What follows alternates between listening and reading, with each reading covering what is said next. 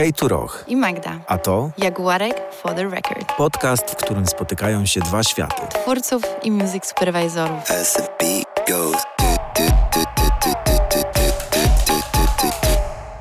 W dzisiejszym odcinku gościmy Tomika Grewińskiego, współzałożyciela wytwórni Kajaks, czołowego polskiego labelu, wieloletniego menadżera Kaja, byłego punka, perkusistę i pedagoga.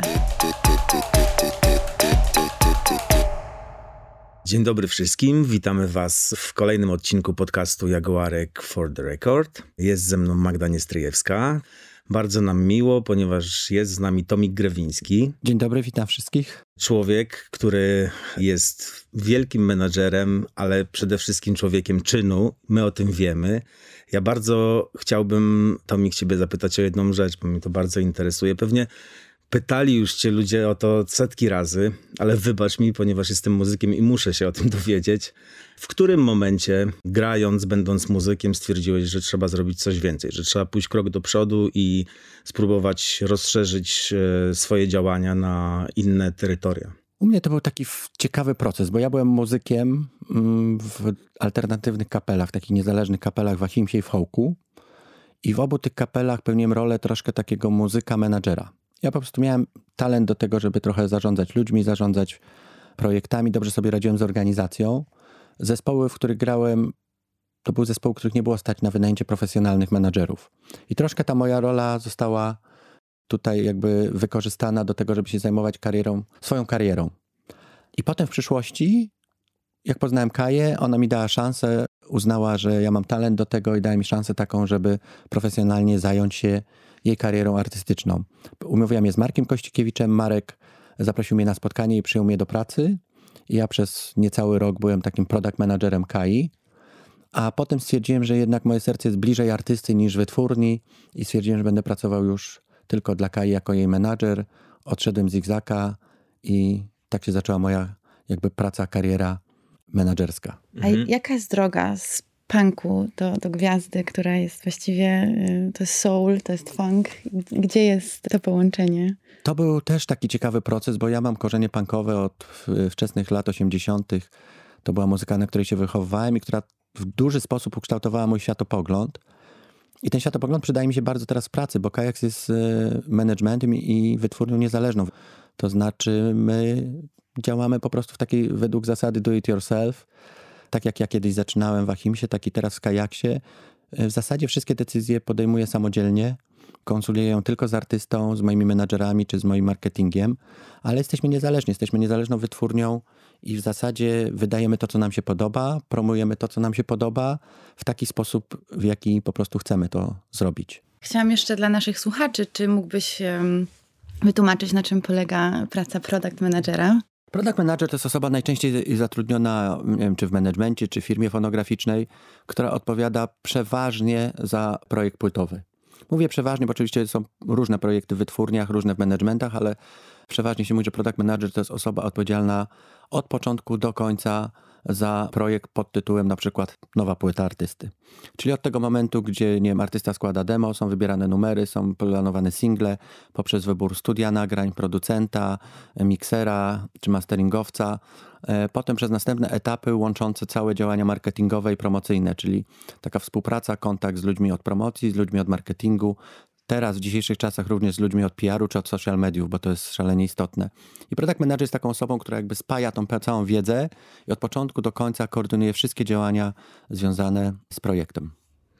To od razu wtrącę, ponieważ e, wracając do wcześniejszej twojej wypowiedzi, mówiłeś, że to była firma Zigzag. Wiemy, że ta firma już teraz e, nie istnieje. Przypomnisz nam, jakie to były lata? E, Ja zacząłem pracować w Zigzaku, jeżeli się nie mylę. Hmm, teraz, czy to był grudzień 95, czy grudzień 96? Tego nie pamiętam. Chyba, wydaje mi się, że to był grudzień 95 albo 6. Czyli lata 90. No i jak mm, postrzegasz ten przeskok z lat 90. do lat współczesnych? Jak wygląda rynek, jak wygląda praca menadżera, patrząc wstecz i obecnie? Tego nie, da, tego nie da się tak porównać, bo minęło 30 lat. Dokładnie. A 30 lat to jest proces, wiecie, to nie jest przeskok, to jest długi proces. My mówimy o czasach, jak ja zaczynałem sprzed internetu. To był faks, to były wysyłane prawie listy, Tak. e, umowy pocztą i tak dalej. Więc y, trochę inne czasy. Na pewno to był dobry okres dla polskiej muzyki, bo lata 90. był bardzo dobrym okresem. Ja bardzo żałuję, że nie miałem wtedy wytwórni, mhm. bo jak patrzę na te sprzedaże, które wtedy w Zigzaku w zasadzie każdy artysta początkujący sprzedawał 50 tysięcy płyt, a każdy już taki uznany 200-300 tysięcy, gwiazdy 500-600 tysięcy. No to liczby robią wrażenie. No, my mamy sukces w tej chwili, jak sprzedam 15 tysięcy, tak? Także to, to nawet nie jest mniej niż razy 10, to jest razy 20 czasem mniej. Więc ja żałuję, że wtedy nie miałem wytwórni, bo to był boom. To był też rozkwit w Polsce szerokich mediów, to był rozkwit rozgłośni radiowych i wtedy rzeczywiście było sporo możliwości promocji polskiej muzyki. Teraz jest dużo trudniej, oczywiście jest internet, są social media, artyści mają taki bardziej bezpośredni kontakt z fanami, ale jednak nie ma tej siły takiej ogólnej wszystkich połączonych mediów. Wtedy było naprawdę, no to był boom dla polskiej muzyki. Myślę, że porównywałem do tego, co się działo na początku lat 80. A powiedz jeszcze, bo mówisz, żałowałeś, że nie miałeś wtedy wytwórni e, muzycznej w latach 90., ale pojawił się Kajaks. To opowiesz tak, nam, jak to pojawił. do tego doszło? Ja pod koniec lat 90., czyli od roku 96 zajmowałem się już jakby interesami Kai. Byłem jej menadżerem osobistym. To się wszystko zaczęło w zasadzie po płycie Zebra, czy tam chwilę przed płytą Zebra. Najpierw byłem product managerem, a po płycie Zebra już byłem menadżerem. Jak odszedłem z firmy, no to zaczęły się spory, bo wiadomo, że Kaja miała swoją wizję artystyczną. Ja jako menadżer mocno cisnąłem, żeby ta wizja weszła w życie, a wytwórnia miała swoje pomysły. Czasem mm, zbieżne z naszymi, ale najczęściej sprzeczne. Inne single, inne wydatki, inne pomysły na teledyski. No, Zigzag został kupiony wtedy przez firmę BMG. Inne osoby zaczęły zarządzać tą firmą i weszliśmy może nie w konflikt, ale w taki częsty spór. Ja co chwilę chodziłem do tego BMG, co chwilę się kłóciłem o moją artystkę i to zabierało strasznie dużo czasu, co więcej nie było efektywne. Ja jestem takim człowiekiem, który y, bardzo sobie ceni skuteczność. Uważam, że w ogóle to jest taka cecha, która powinna wyróżniać menadżerów, to znaczy no menadżer musi być skuteczny. I to pod każdym względem, i pod względem finansowym, zarobków, i pod względem kontraktów, realizacji propozycji i tak dalej. A ja miałem takie poczucie, że tracę bardzo dużo czasu na mm, rozmowę o niczym. To znaczy, że ja przychodzę do firmy, o czymś rozmawiamy, ale oni są w takiej jakby fabryce, że poświęcają mi tą godzinę i potem przechodzą w następne 10-15 projektów i że już o tym nie pamiętają. A najgorsze było to, że bardzo często te decyzje, które podejmowaliśmy wspólnie, tak mi się wydawało, że podejmowaliśmy, następnego dnia zostały zmieniane. I stwierdziłem, że trochę szkoda mi w życiu czasu na to i że muszę założyć wytwórnię i po prostu nauczę się sam wydawać płyty Kai. Taki był pomysł. I chyba w roku 2001 oficjalnie moją firmę menedżerską przekształciłem na Kajaks, a założyliśmy z Kają też drugą firmę, spółkę, która się nazywa Kajaks Production and Publishing. I od tamtej pory jakby promujemy jeden brand jako Kajaks, ale to są dwie oddzielne firmy. W Kajaksie menedżerskim jestem właścicielem, to jest moja firma i my, ta firma reprezentuje wielu artystów pod względem wizerunkowym, koncertowym i jakby planujemy ich kariery i zarządzamy nimi. A Kajaks Production and Publishing jest e, firmą fonograficzną i publishingową.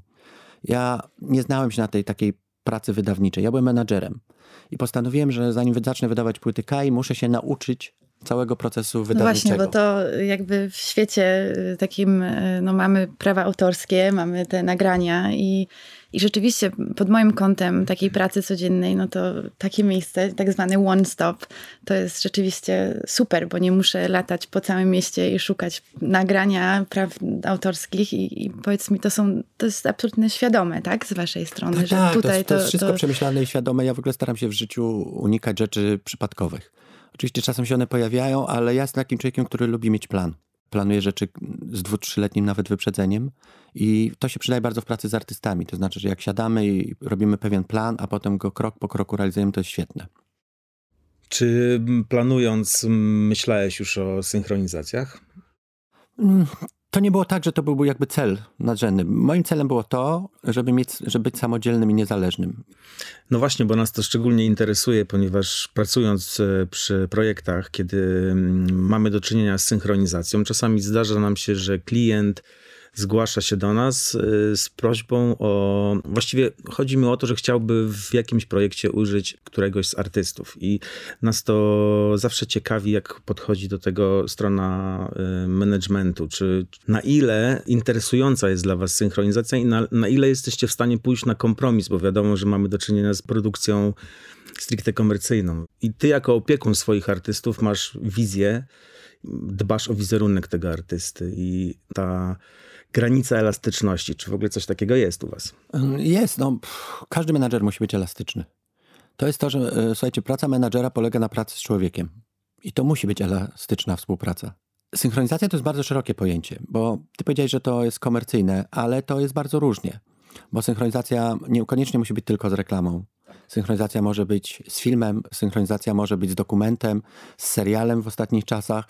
Mm, jest bardzo dużo propozycji artystycznych, jest sporo propozycji komercyjnych. I nie ma tak, że któreś są lepsze, a któreś gorsze.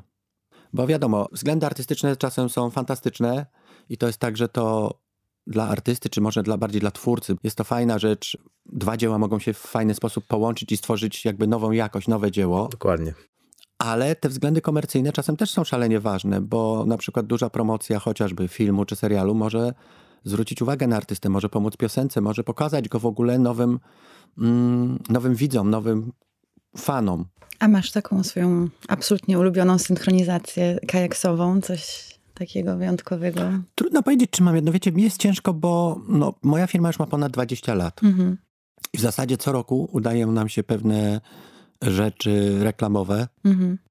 Co roku udają nam się pewne rzeczy, wykorzystanie piosenek w filmach czy w serialach, więc pewnie jakbyśmy się przyjrzeli przez te 20 lat, to było sporo takich rzeczy. Ja pamiętam dobrze pierwszą, Właśnie chciałem o to zapytać. bo to jest bardzo stara rzecz. To jest bardzo stara rzecz. To jest rok, wydaje mi się, 98. O, tak. Kaja dostała pierwszą Sprawdziłam propozycję to. wizerunkową. To była pierwsza moja duża współpraca reklamowa za reklamowania pierwszej karty prepaidowej w Polsce, karty POP. To była nowość, tak? Czyli karta nie abonamentowa, tylko karta prepaidowa. Zupełna nowość, wprowadzenie na rynek i trzeba było to w mądry sposób powiedzieć ludziom, że to jest nowa usługa czy nowy produkt. I był pomysł też na to, żeby Kaja zrobiła piosenkę do tego i zrobiła świetną piosenkę. Nie wiem, jaki ona miała tytuł, no ale powiedzmy, że to była karta pop. Zrobiła to w bardzo fajny sposób. Co ciekawe, Kaja była wtedy w zaawansowanej ciąży i nagrywaliśmy film reklamowy, gdzie musiałem mieć dublera. I była dublerka na planie i wszystkie rzeczy, gdzie nie ma twarzy Kai, to grała dublerka, bo to już był chyba siódmy miesiąc, zanim się urodził Kai syn, czyli Roch. I ta piosenka zapadła ludziom bardzo w pamięć w tej reklamie. Zresztą e, wygrała chyba dwa konkursy na piosenkę reklamową, co było dla nas też taką fajną rzeczą. Pewnie. Mm, I ten numer naprawdę po latach, jeszcze po latach, bardzo wielu ludzi wspominało.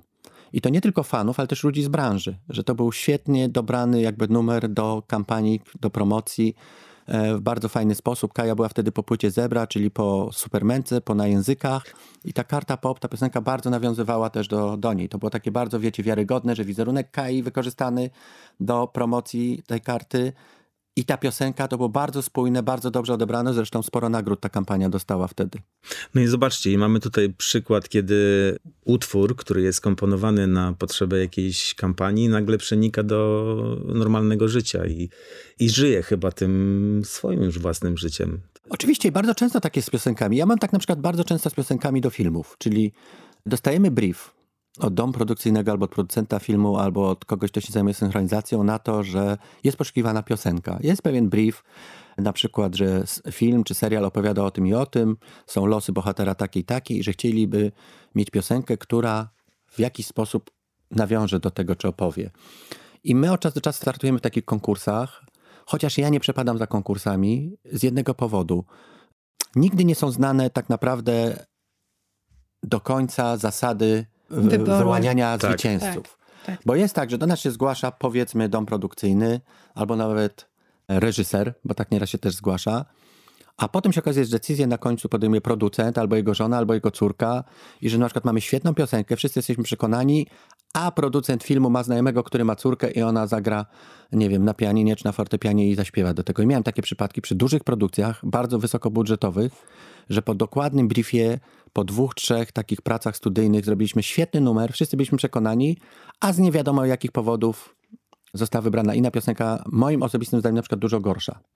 Tak, ale to fajnie, że w ogóle poruszasz ten temat, bo to jest coś, co my na co dzień w naszej pracy, bo właściwie nasza praca polega na tym, że codziennie dostajemy te briefy i, i cały czas szukamy i, i, proponujemy i to jest problem, bo my też w tych castingach muzycznych bierzemy udział i, i nie wiadomo tak naprawdę, dlaczego klient odrzuca. Borykamy się z tym bardzo. Ja, ja uważam, że to wynika z braku profesjonalizmu, to znaczy dla mnie to jest wyraźny znak, że nie ma w tym teamie produkcyjnym osoby, do której wszyscy mają zaufanie, że ona wybierze najlepiej. Albo jest ten łańcuszek. A powinien być tak. jeden specjalista, tak? tak? Powinien być jeden specjalista, który odpowiada na przykład za muzykę. On jest dokładnie zbriefowany przez reżysera, przez producenta, dokładnie wie do kogo film ma dotrzeć, jaka ma być publiczność, jaki ma być nastrój, klimat, jakie lata i tak dalej.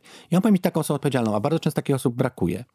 I o ile jeszcze w stanie jestem zrozumieć na przykład przy piosenkach reklamowych, które bardzo często są instrumentalne, są to krótkie formy.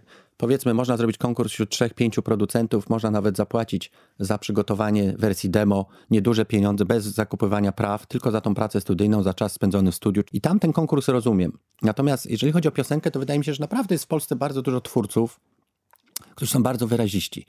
I jeżeli się im zleca napisanie takiej piosenki, to człowiek wie do kogo idzie i po co. Natomiast ja mam problem właśnie taki, że zrobienie piosenki to nie jest taki łatwy proces. O ile jeszcze 40-sekundowy fragment muzyki ilustracyjnej jest łatwiej przygotować, o tyle dobrą 4-minutową piosenkę z dobrym tekstem, z dobrą melodią, dobrze zaaranżowaną, to już jest naprawdę sporo pracy. I mnie czasem boli właśnie to, że na końcu, po kilku tygodniach takiej pracy, ktoś odrzuca to bez wytłumaczenia. Bo to nie jest tak, że na przykład zaprasza nas, puszcza nam trzy piosenki, mówi wybraliśmy tą, bo uważam, że jest najlepsza. Bo to przynajmniej jest tak, że człowiek wie, w czym brał udział, z kim przegrywa, powiedzmy i tak dalej. Ale tak się nie odbywa to nigdy.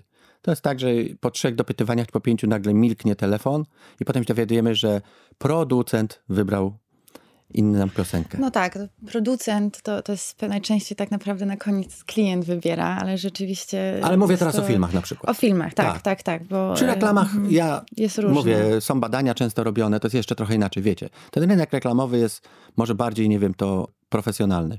Ale produkcja Wiesz, filmów, seriali to jest różnie. Strzelanina trochę. Czyli wolałbyś e, mieć bezpośredni kontakt na przykład z reżyserem, żeby omówić wizję tej sceny, do której powiedzmy utwór miałby... Nie, ja to mam. To mam zapewnione. Ja bym chciał mieć kontakt z jedną osobą, która podejmuje decyzję. Okay. A nie ma, bo to jest bardzo często tak, nawet ostatnio miałem taki przykład w tej chwili, że na sam końcu się pojawia dystrybutor i on nagle ma też dużo do powiedzenia. Zgadza się. No tak. Wiecie, i nie wiadomo, do nas się zgłasza powiedzmy dom produkcyjny, potem jest reżyser, potem się okazuje, że jeszcze producent ma uwagi, a na końcu jeszcze dystrybutor ma swoje uwagi. I oni tego nie przegadali wcześniej, być może za wcześnie nas zaangażowali na zbyt wczesnym procesie takim, ale mamy też takie rzeczy, które się udały. No na przykład, nie wiem, w ostatnich latach Krzysiek Zalewski zrobił na przykład piosenkę do filmu Kurier i piosenka jest znakomita. Zresztą Krzysiek ją gra, słuchajcie, to jest jego przebój, ją grają na koncertach i to pokazało, że coś zrobione na zlecenie świetnie po prostu zostało odebrane i przez fanów Krzyśka i przez y, rozgłośnie radiowej to jest taki numer, który super poszedł. Albo na przykład, nie wiem, Kaja i Chyży, Podatek od Miłości. Też znakomity numer, też duży przebój, numer, który jest grany cały czas. Czy chociażby, nie wiem... Mm, piosenki na nowo zaaranżowane i produkowane przez Brodkę Doroista, tak, czy teraz tak, Doroista tak. 2. To są takie rzeczy, które możemy się pochwalić, które na przykład jak przyszło zapytanie o wszystko, czego dziś chcę e, do Roysta, to mieliśmy wątpliwości. Bratka też miała wątpliwości, ale za Gimem udało jej się zrobić bardzo fajny aranż, bardzo taki, nazwę nawet odważny i został świetnie przyjęty przez ludzi. I na YouTubie jest hitem, w serialu odegrał fajną, ważną rolę. Z Roystem 2 teraz Brodka i Tymek i Urbański bardzo podobnie. To jest taka rzecz, którą możemy się pochwalić. To nie są rzeczy wstydliwe, tylko to są rzeczy, z których jesteśmy dumni. Tak, ja osobiście bardzo lubię te przewroty w utworach, które żyją ponownie po latach. I te przykłady, o których mówisz, właśnie mm, tylko pokazują nam, że jednak warto, pomimo tych czasami niedogodności, o których wspomniałeś, warto jednak pracować przy tego typu projektach, bo bo te piosenki dostają nowe życie po prostu. Oczywiście, znaczy, słuchajcie, to też trzeba znowu rozdzielić, bo są zapytania o napisanie nowych piosenek i wiadomo, to jest wyzwanie artystyczne. To zawsze warto zrobić, bo przy takiej okazji właśnie się rodzą, nie wiem, takie piosenki jak Kurier czy Podatek od Miłości, wiecie, nowe, nowe hity. A jak to przeboje. wygląda? Ktoś do was przychodzi do kajaksu i tak ogólnie rzuca hasło, że chciałby piosenkę do takiego i takiego projektu i wy wybieracie ze swojego katalogu y, kogoś, kto może napisać, czy często jednak jest tak, że przychodzą i nie wiem, prosimy Brodkę, prosimy Zalewskiego. No i znowu wrócę do tego, co przed chwilą powiedzieliśmy. Powinno moim zdaniem to być tak, że dzwoni do nas ktoś odpowiedzialny za projekt i mówi bardzo nam się podoba to, co robi Krzysztof Zalewski, chcielibyśmy, żeby do naszego filmu czy serialu skomponował piosenkę. I jest brief, o czym jest film, jaka treść, kiedy się dzieje akcja, jaki ma być klimat mniej więcej, czy w jakim stylu chcemy zaaranżować. Ja sobie tak to wyobrażam profesjonalnie. A jak wygląda Ale najczęściej jest tak, że dzwoni ktoś do nas i mówi: mm, Będziemy pracować z producentem filmu. On będzie szukał paru piosenek, więc jakbyście mieli kogoś, kto by zrobił, nie wiem, fajny popowy numer w stylu lat 80., no to, to może byście nam coś przesłali. I to jest takie, że w zasadzie my mamy odwalić całą robotę, bo trochę to wygląda tak, że to my mamy zrobić pełen cały research. Tak, dobrać. I oczywiście mamy back katalog, więc zawsze możemy coś zaproponować, tylko to jest takie działanie po omacku.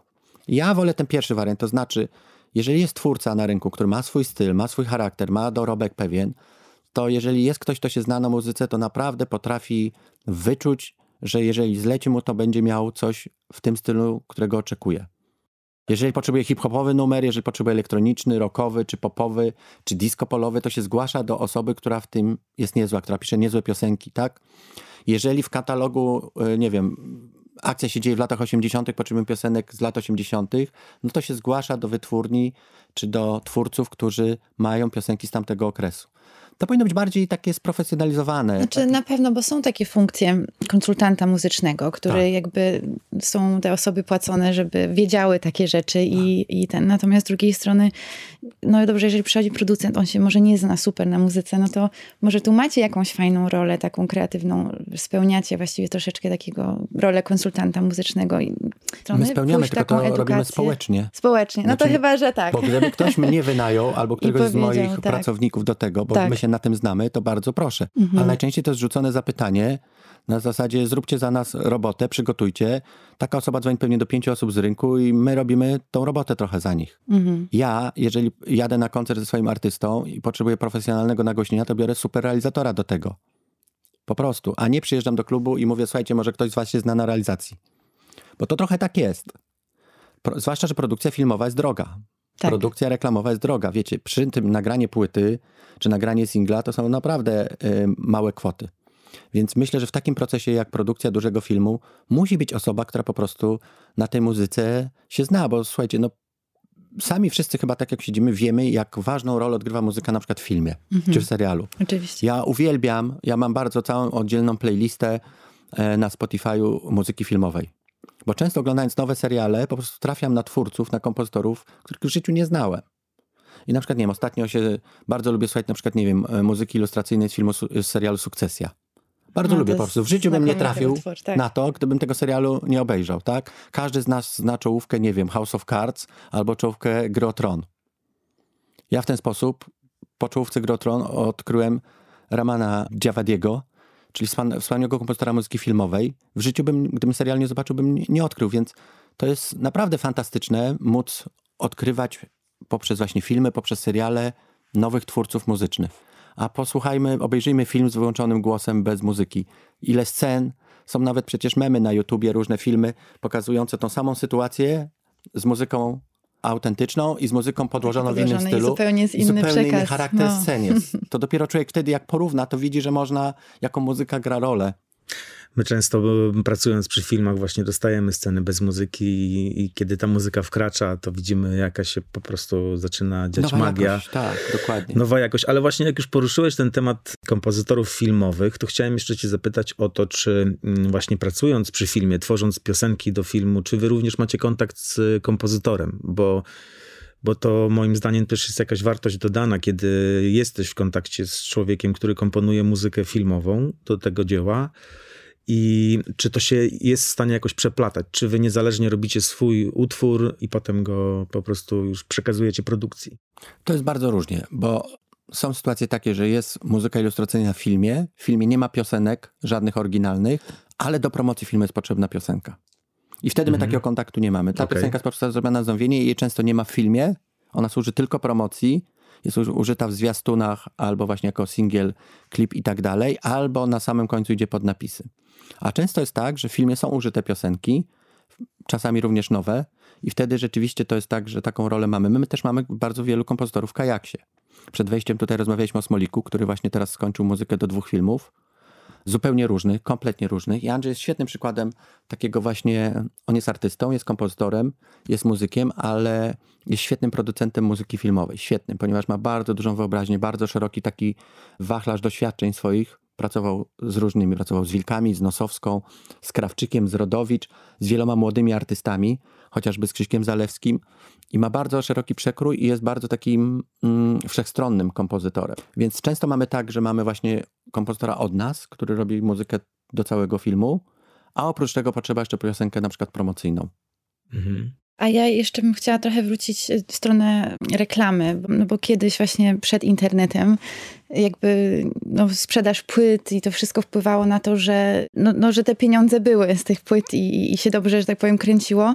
Ale jak wszedł internet, no to wydaje mi się, że chyba też wtedy pojawił się przynajmniej pod kątem publishingowym takie nowe, alternatywne um, kanały promocji i jakim właśnie była synchronizacja. I, I się zastanawiam, czy są u ciebie artyści, którzy myślą o tym konkretnie, że, że chcą być w reklamach, ich, ich muzyka przedstawiona, że, że tak szukają sami, może przez tych product managerów, czy oni szukają czynnie takich możliwości y, synchronizacyjnych? Słuchajcie, to jest tak, że wydaje mi się, że mm, w dzisiejszym świecie jest takie już spore wymieszanie wszystkiego, że kiedyś y, sprzedaż piosenki do reklamy była albo czymś bardzo wyjątkowym, albo czymś bardzo komercyjnym. W tej chwili jest w zasadzie tak, że to się wszystko wymieszało i myślę, że niewielu jest artystów w Polsce, którzy mają z tym problem. Problem jest z tym, żeby tę piosenkę dobrać do dobrej reklamy, znaczy do, nazwę to w cudzysłowie, dobrego produktu, czy dobrej usługi, czy dobrego klienta, albo żeby równocześnie miało to wysoki poziom artystyczny. Jeżeli to się zgadza, to chyba nikt nie ma z tym problemu. Może niektórzy artyści hip-hopowi mają, bo tam wiadomo też publiczność jest bardzo taka zwracająca uwagę, ale to mówię o tym starym hip-hopie. W nowym hip-hopie już z tym nikt nie ma problemu. Jak spojrzycie na młodych artystów hip-hopowych, to oni nie mają w zasadzie żadnego klipu, na przykład bez product placementu. W zasadzie już niewiele jest takich. Tak. Ale ta stara szkoła hip-hopu miała z tym problem. Ja pamiętam przed laty mieli problem z tym, żeby, żeby się z markami wiązać. W tej chwili chyba nie ma takiego problemu, zwłaszcza, że też rynek się zmienił. To też pewnie obserwujecie, że jeszcze parę lat temu te wszystkie kampanie reklamowe były tam kampaniami wizerunkowymi. W tej chwili mamy w zasadzie 90% są, albo 95% są działania bardziej influencerskie i nawet artyści, nawet muzycy są też traktowani trochę w tych kategoriach. Trochę się to zmieniło. Dzisiaj mówimy tylko o tym w kategoriach zasięgów. Nikt nie mówi o tym, kto ile sprzedaje płyt, jakie, czy ma złote płyty platynowe, ilu ma fanów na koncertach i tak dalej. Tylko zasięgi. Zasięgi zrobiły po prostu, przykryły mózgi. Ja mam takie wrażenie, że klient na koniec patrzy tylko na tabelki z zasięgami, a kompletnie się nie zastanawia, kto w tych zasięgach jest. Czy to jest młoda publiczność, czy starsza, tego, znaczy analityka jest, ale nikt tego nie bada. Tylko jest po prostu ilościowo wszystko. Więc ja myślę, że w dzisiejszych czasach większość artystów nie ma problemu z tym, żeby mm, ich nagrania, czy ich piosenki, czy nawet nowe piosenki wykorzystać w reklamie, tylko żeby to było spójne trochę z ich wizerunkiem, żeby to, było, żeby to był dobry produkt, z którym on się może utożsamiać. Ja mam na przykład kilku artystów kajaksie niepijących i ja mam po prostu jasno powiedziane, że oni nie będą promować swoimi piosenkami napojów alkoholowych.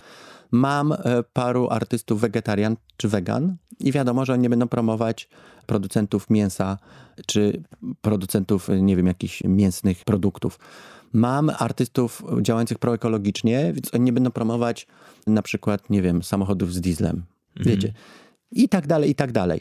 To jest ważne, żeby właśnie być świadomym tego, z kim się pracuje, żeby być świadomym, jaka jest jakby droga artystyczna, jaki jest taki wizerunek tego artysty i do tego dobierać, kiedy warto te pieniądze dodatkowo zarobić, a kiedy trzeba mhm. odrzucić. Czasem są po prostu, wiecie, te kreacje, te pomysły na te kampanie są po prostu tak absurdalnie głupie, że trzeba odmawiać od razu. Tak, po prostu w ogóle nie, nie, dawać szans na tym, żeby ten projekt się rozwinął. Się rozwinął, dokładnie. Teraz na rynku jest taki projekt też, który wykorzystuje kilku artystów i na przykład no, uważam, że artystycznie nie jest on dobry. Oczywiście nie, to nie, nie będę podawał, bo to nie chodzi, żeby no szkodzić tak. i tak dalej, tylko ja patrzę na to tak jako człowiek z branży i po prostu uważam, że to jest na siłę, że niektórzy artyści w tym znaleźli się chyba tylko dla pieniędzy, bo kompletnie nie jest to spójne z ich wizerunkiem. Kompletnie nie wiem, po co to zrobili. Znaczy wiem, no, po pandemii po prostu zrobili to pewnie z powodów materialnych, trzeba to uszanować, ale dla ich wizerunku artystycznego na pewno nie jest to dobre. Mhm. A czy zdarzyło ci się zmienić na przykład wizję reżysera, zmienić brief podczas pracy nad projektem? Zdarzyło się i mi, i zdarzyło się moim artystom, bo mam niektórych artystów, którzy są bardzo przekonujący i o ile na takim spotkaniu bez ich udziału, nie wiem, klient się waha, czy, czy agencja się waha, o tyle jak przychodzi artysta i mówi swoją wizję, to często oni idą za tym, bo czują, że to jest wiarygodne, że jest pomysł na to i że mogą tym wygrać. Ja mam teraz bardzo ciekawy case właśnie, bo rozmawiamy z dużym klientem o dużej kampanii i przyszli do mnie z całym pomysłem na wykorzystanie jednego z moich artystów, a w trakcie spotkania wpadł mi pomysł na to, żeby ich zainspirować, żeby zrobić to samo, tylko trochę inaczej. I pomysł się bardzo spodobał agencji. Ciekaw jestem, czy klient to przyjmie, bo jeżeli tak, no to mielibyśmy takie kompletnie odwrócenie jakby tego, z czym przyszli i z czym wychodzą, ale uważam, że dla całej kampanii, dla wykorzystania tego wizerunku i tak dalej, to może być przełomowe i bardzo dobrze odebrane, bardzo, znaczy dużo bardziej skuteczne. Mhm. Ciekaw jestem, czy nam się to uda właśnie. Wiecie, są takie momenty, że... Ale to trzymamy kciuki. Że, no, trzymamy kciuki. E, ja bym chciał, bo jeżeli już to wchodzi, to naprawdę to będzie zauważone przez całą branżę. To jest taka rzecz, która się nadaje wręcz na konkursy potem reklamowe. Okej. Okay. Może nam się to uda, zobaczymy. Mhm. A no to zapytam od razu w drugą stronę, czy ponieważ jesteś świadomy wizerunku swoich artystów, czy zdarzyło się tak, że zaryzykowałeś odwróceniem trochę tego wizerunku, zmienieniem go na potrzeby jakiegoś e, projektu? Może tak nie, ale wchodzimy czasem w kompromisy. Słuchajcie, to jest też e, ten mój zawód, to jest też sztuka kompromisu i czasem trzeba wyważyć, co jest w którym momencie, bo jeżeli na przykład artysta nie, jest po płycie już rok, wiadomo, że następna płyta będzie za dwa lata i ma taki moment, że może sobie pozwolić na coś, co nie jest związane stricte z nowym projektem, to wtedy te kompromisy mogą być trochę większe. Jeżeli mamy, jesteśmy w przededniu wydania płyty, mamy single, teledyski, jest określony wizerunek i wchodzi nam propozycja komercyjna, która nie do końca się z tym łączy, to wtedy w takie kompromisy raczej nie idziemy. To też zależy oczywiście od artysty, od tego w jakim jest momencie, jakie ma potrzeby, bo słuchajcie, no artyści to też są ludzie. Też mają swoje plany życiowe i są takie momenty u niektórych, że potrzebują pieniędzy bardziej, są takie momenty, że tych pieniędzy nie potrzebują aż tyle, bo na przykład mają całe trasy koncertowe, wszystko się dzieje, więc to jest takie bardzo indywidualne. To nie ma, nie ma jednej zasady. To jest taka rzecz, którą jakby e, z menadżerami i z artystami wspólnie podejmujemy w danym momencie. Okej, okay. rozumiem. A czy ty na przykład uświadamiasz swoich artystów? Zakładam, że tak, bo mm, chodzi mi o świadomość tego zagadnień prawa autorskiego. Czyli te wszystkie tematy, które publisher ma, że tak powiem, w garści, rozumie je. Czy ty rozmawiasz o tym ze swoimi autorami? Ja rozmawiam o tym w ogóle ze swoimi artystami. I ja, i wszyscy menadżerowie, bo w Kajaksie pracuje 18 menadżerów. My się na tym znamy i rozmawiamy z swoimi artystami. Tylko to jest ciekawe, że wielu artystów, nawet z 20-letnim doświadczeniem, kompletnie to wypiera. To znaczy dla nich, czy prawa pokrewne, czy prawa autorskie, czy prawa wykonawcze z płyty, czy prawa wykonawcze ze stowarzyszeń typu, nie wiem, Stoart, SAFP. Tak. To są, to jest kompletna magia. Można 10 razy tłumaczyć i 10 razy tłumaczymy na nowo. Oni wiedzą, artyści wiedzą już jakby, że z pewnych źródeł powinni mieć tantiemy, ale większość z nich nie zdaje sobie, po, trochę to jest chyba tak, że mają nas. Mają nas, ufają nam i wiedzą, że my o to zadbamy. Po prostu. A mało który artysta tak naprawdę zadaje sobie tego trudu, żeby dokładnie wejść w temat i zapamiętać z, z tytułu jakich działań, z tytułu jakich praw, jakie tantiemy czy jakie należności im się należą. Czyli zostawiasz, yy, znaczy tak naprawdę oni zostają w tym świecie tworzenia i rozumiem też, że, bo też poruszyłeś ten temat tych socjali, czyli Instagrama, który też jest pewnie ciężką pracą dla każdego no bo to są pewnie godziny też. Słuchajcie, no tak, no to, to widać. To jest tak, że trochę żyjemy w takich czasach, że te social media zdominowały komunikację. To znaczy, my możemy planować działania promocyjne przy trasie koncertowej, przy płycie, ale tak naprawdę dzisiejszy codzienny kontakt artysty z fanem odbywa się przez jego social media. I są artyści, którzy świetnie sobie z tym radzą i to widać efekty ich pracy. E, widać po prostu, jak mają aktywnych fanów. To wszystko, wiecie, do tego z analityka to widać. Są też artyści, którzy w ogóle social mediów nie prowadzą i tu jest trudniej. Bo no, żyjemy w czasach takich, że każdy na tym telefonie jakby zagląda. Także ja wczoraj jechałem pociągiem i widziałem, każdy w telefonie siedzi godzinę, dwie, trzy, pięć. I to jest ten kontakt taki, że wiele komunikatów, wiele kom, takich y, działań komunikacyjnych związanych z koncertami, z nowym teledyskiem, singlem i tak dalej, artysta może robić bezpośrednio przez swoje profile. I dociera bardzo szybko do tej grupy, która go obserwuje. Rolą menadżera, rolą wydawnictwa jest poszerzyć to, tak? Czyli tą komunikację rozszerzyć o ludzi, którzy niekoniecznie są w tym momencie fanami poszukać tych nowych fanów. My mamy taki ciekawy case teraz na przykład w Kajaksie e, Mary e, z Polski wydała książkę i obserwujemy jak pięknie przy wszystkich działaniach z książką poszerzamy grono jej fanów. Nie fanów muzycznych, tych, którzy przychodzą na jej koncerty i, i słuchają jej piosenek, kupują jej płyty, tylko o nowych fanów. To widać. Widać, jak przyrasta Instagram, widać, jak przyrasta Facebook, widać, jak wiele nowych możliwości, nawet promocyjnych, wywiadów i tak dalej, pojawia się w kontekście książki. To jest takie dla nas poszerzenie jakby grupy fanów Mary. Więc to jest bardzo ciekawe, to, to jest fajny proces. Książka jest dopiero trzeci miesiąc na rynku, a już widać, jak, jak wiele nowych osób przybyło. No u nas socjale, to, to też my to zauważamy. Często widzimy z Magdą, kiedy mm, zgłaszają się do nas klienci, że w prawach do licencjonowania się bardzo mocno rozszerza to pole, ta przestrzeń na socjale. I to jest, tak jak wspomniałeś wcześniej, że klienci często patrzą na zasięgi i, i to się wszystko jakby zazębia. Przy naszej pracy również jest dużo projektów, które są dedykowane tylko i wyłącznie do internetu. To media się rozrasta po prostu w sposób niesamowity, więc to jest na pewno... Ja mówiąc o tych socialach, miałem na myśli to, że wydaje mi się, że czasami na końcu klient troszkę bezrefleksyjnie patrzy tylko na tabelki. A moim zdaniem oprócz ilości fanów, obserwujących i tak dalej, ważne jest zaangażowanie samego artysty. Tak. Bo może mieć o połowę mniej, ale swoim zaangażowaniem, tym jak, w jaki sposób prowadzi, chociażby Instagrama, może dać dużo więcej niż, nazwę to influencer czy instagramer, który ma bardzo dużo ludzi, ale poza wrzuceniem posta absolutnie się na przykład nie angażuje. Czyli on zrobi to, co ma w głowie, wrzuci posta, wrzuci Insta Stories i nic więcej. Ja się z tym I... zgadzam, no bo generalnie czasami nie, nie wszyscy czytają treści, po prostu ktoś tylko patrzy na liczby. Pełna zgoda. Cały czas się zastanawiam, czy mamy wyczerpane tą tą część tej współpracy między wami a klientami, agencjami i tak dalej. Powiem, dlaczego nie mamy. Od kilku lat w Polsce jest taki mocny trend, żeby na muzyce oszczędzać. To znaczy, bardzo wielu klientów nie docenia roli muzyki w swoich kampaniach czy w swoich komunikacji swojej. Mam wrażenie, że do Polski, jak wiecie, weszły już różne banki gotowej muzyki, tak?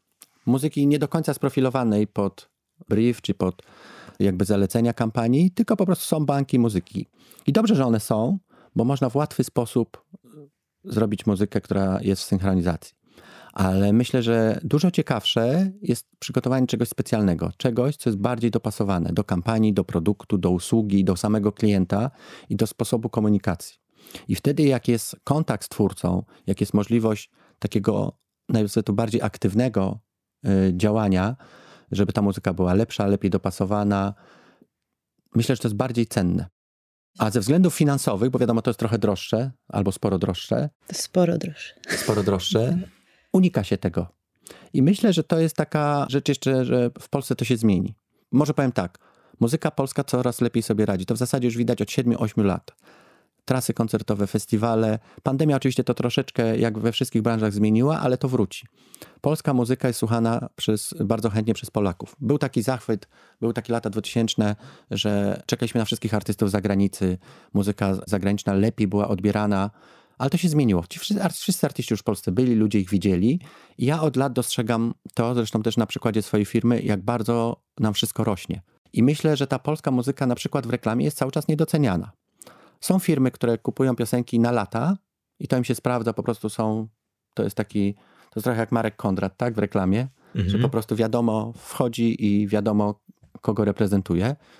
A z muzyką jest trochę tak, że cały czas nam się wydaje, że na przykład zagraniczny przebój zrobi lepszą robotę. Jest polski produkt, do polskich publiczności kierowany, a muzyka jest zagraniczna. Kompletnie nie rozumiem. W ogóle nie rozumiem połączenia, nie rozumiem pomysłu na to, Słucham treści, słucham tego, co mówi lektor, słucham tego, do kogo on to mówi, a w podkładzie jest angielska piosenka. Kompletnie ja jako słuchacz, jako widz nie rozumiem, dlaczego tak jest. Rozumiem, że klient chciał mieć znany numer, ale mógłby się bardziej postarać i dopasować któryś na przykład z polskich przebojów, który by też pasował trochę do, do tej całej komunikacji, a nie tylko to, że jest znane.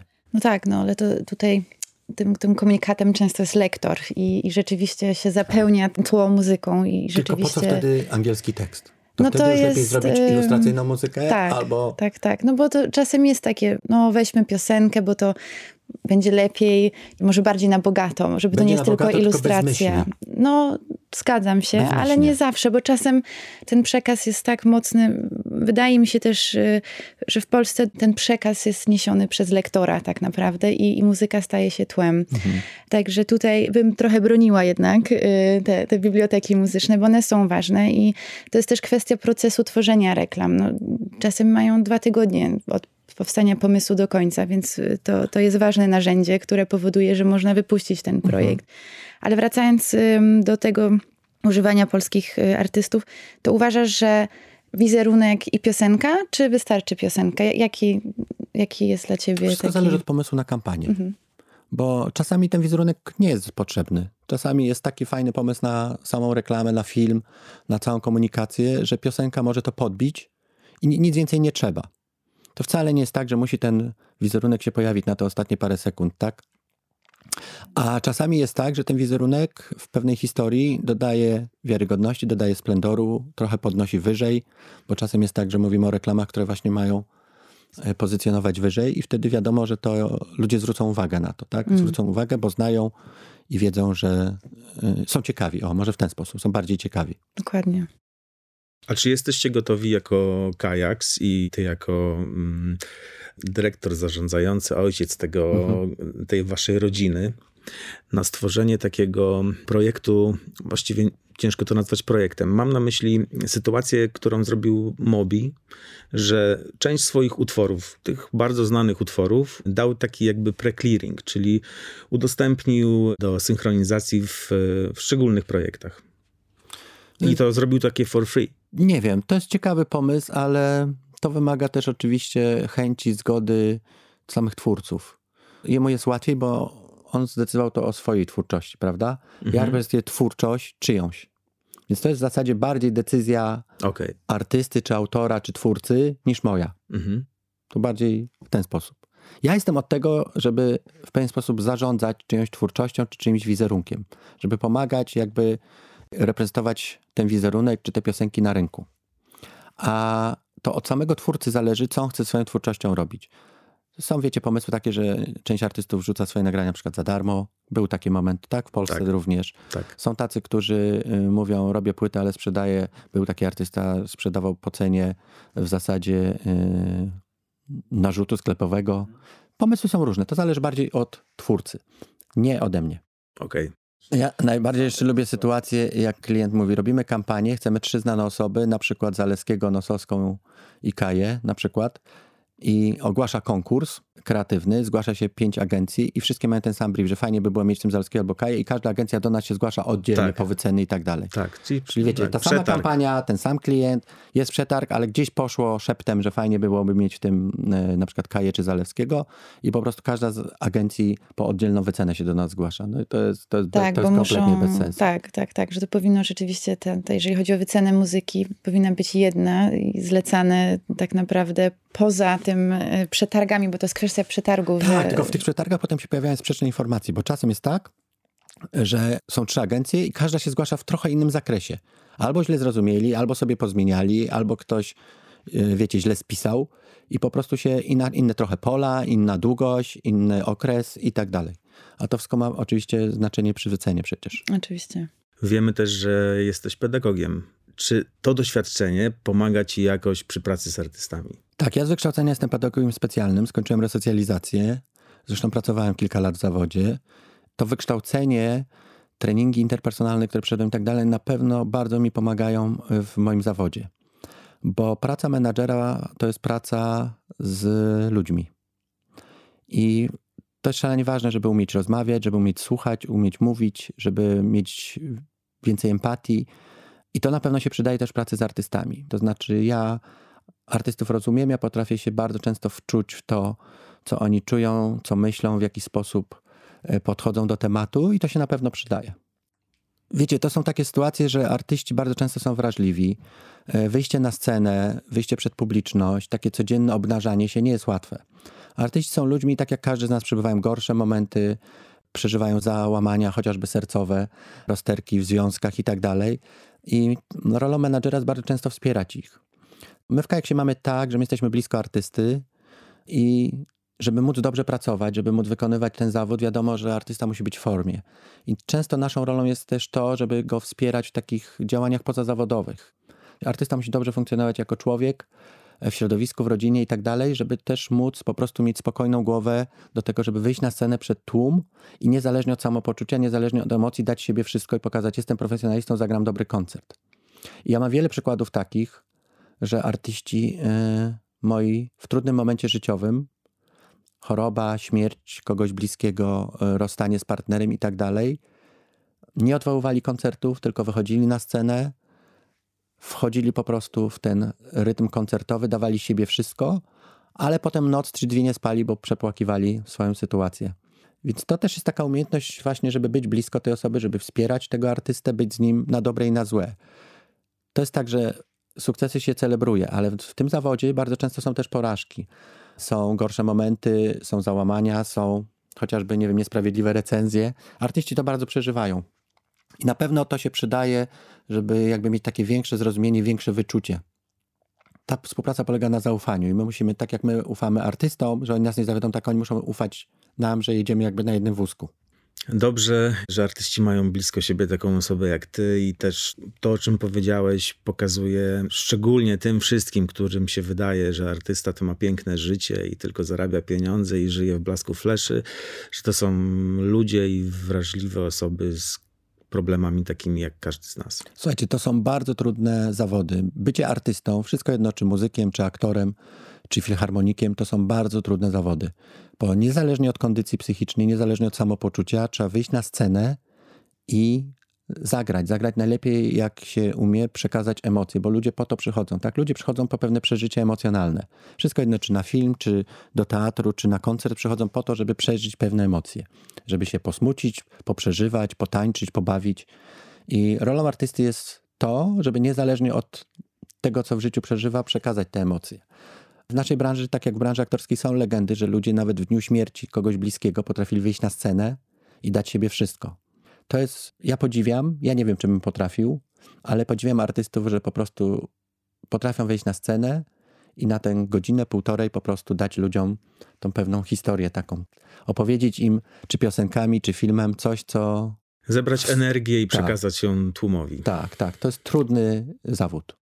Chciałem zapytać na koniec, czy chciałbyś polecić jakąś fajną muzyczną inspirację, którą ostatnio słyszałeś, albo film, bo mamy też takie nasze wewnętrzne rozmowy, polecamy sobie coś fajnego.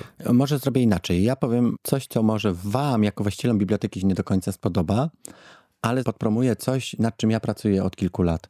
My mianowicie mamy taki projekt My Name is New. To jest projekt dla młodych twórców w Polsce, takich twórców, którzy jeszcze nie mają debiutu płytowego, którzy tworzą muzykę. Ci, którzy kiedyś wysyłali do nas codziennie swoje demówki, teraz mają platformę My Name is New, gdzie my wybieramy najlepsze piosenki, naszym zdaniem młodych twórców polskich. Mamy tych piosenek już prawie 200. To są naprawdę świetne numery nieznanych twórców. I to jest, myślę, bardzo szeroka taka biblioteka świeżej, młodej polskiej twórczości do wykorzystania w synchronizacjach. I w reklamach, i w filmach, i w serialach. To jest to, co tak naprawdę buzuje w tych klubach, w tych młodych studiach domowych i tak dalej. Mamy prawie 200 bardzo fajnych, bardzo różnorodnych stylistycznie yy, piosenek. I myślę, że to też jest fajne, że znaczy dziwne jest to, że jeszcze nikt nigdy się nie zgłosił, prawie jedną piosenkę sprzedaliśmy, ale prawie nikt się jeszcze z tych ludzi, którzy się tym zajmują, oficjalnie nie zgłosił po to, że przejrzał ten katalog, bo to jest tani katalog. No to, to my się katalog, tym zajmujemy, ty nam to, jest, to daj, to słuchaj, jest katalog, Tomik, naprawdę. To jest katalog porównywalny do tej anonimowej muzyki z bibliotek. Tylko za tym stoi jakiś twórca, który ma już swoją grupę odbiorców też w Polsce, który to jest ta młoda polska muzyka i z niej, z tych powiem stu twórców, na pewno kilku albo kilkunastu za chwilę się przebije. Bardzo chętnie tego posłuchamy, ponieważ my jako Jaguarek nie tylko reprezentujemy biblioteki, ale też małe labele mm, i duże katalogi e, publishingowe. Dlatego z przyjemnością fajnie, że nam o tym mówisz i na pewno od e, jutra zagłębiamy się w My Name is New. Skoro wy o tym nie wiecie, to znaczy, że my źle to promujemy w branży. Czyli ja wychodzę z tego spotkania z tym, że o 12 mam dzisiaj spotkanie z moim marketingiem i brand managerowi My Name zwrócę uwagę, że musi mocniej podziałać nie tylko przez playlisty, tylko mocniej musi podziałać dla ludzi, którzy zajmują w Polsce synchronizacją, bo być może oni nie wiedzą, że mają dostęp do 200 piosenek w bardzo dobrej ofercie cenowej. Bo to są dopiero ludzie aspirujący. No i to jest człowiek czynu i spontanu. Tomik Grewiński, pięknie dziękujemy. Ja też dziękuję. dziękuję, Tomik. Dzięki za wysłuchanie naszego podcastu. Jaguarek for the Record, realizowanego przez Sounds and Stories. Znajdziecie nas na jaguarek.pl. Do usłyszenia. As the beat goes.